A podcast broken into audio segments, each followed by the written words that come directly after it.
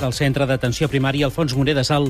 Ha reprès l'activitat avui al matí després que divendres va quedar inundat a causa d'una tempesta i es va haver de tancar. Durant el cap de setmana, les urgències s'han traslladat al CAP Sal 1, al costat de l'Ajuntament. Un ambulatori que, per cert, encara funciona només al 50%, a causa de les obres per reparar els danys d'un incendi del juliol del 2020, que va obligar a tancar-lo durant mesos, Albert Requena. La inundació de divendres passat va ser del tot inesperada, perquè si bé el cap 2 de Salt ja s'havia inundat amb anterioritat, amb les reformes que s'hi van fer, amb el pas del temporal Glòria no hi va haver cap incidència. Victòria Triola, cap de l'ABS de Salt, ha explicat que s'ha treballat tot el cap de setmana per poder reobrir aquest matí amb normalitat. Malgrat això, queden unes zones una mica humides, s'han fet malbé uns, quants materials que anem repostant una mica sobre la marxa.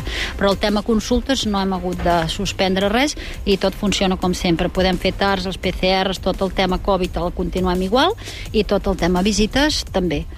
Els tècnics no descarten que la inundació es veiés afavorida per unes obres que es fan al costat de l'edifici. Pel que fa a la segona fase de reparació del CAPU de Sal, les obres van començar la setmana passada i es preveu que estiguin acabades abans de finals d'any. L'àrea bàsica de salut de Sal dona cobertura a uns 40.000 habitants de Sal, Bescanó, Fornells de la Selva, Aigua Viva i Vilablareig, i hi treballen 152 professionals de la medicina. Catalunya Informació. Girona.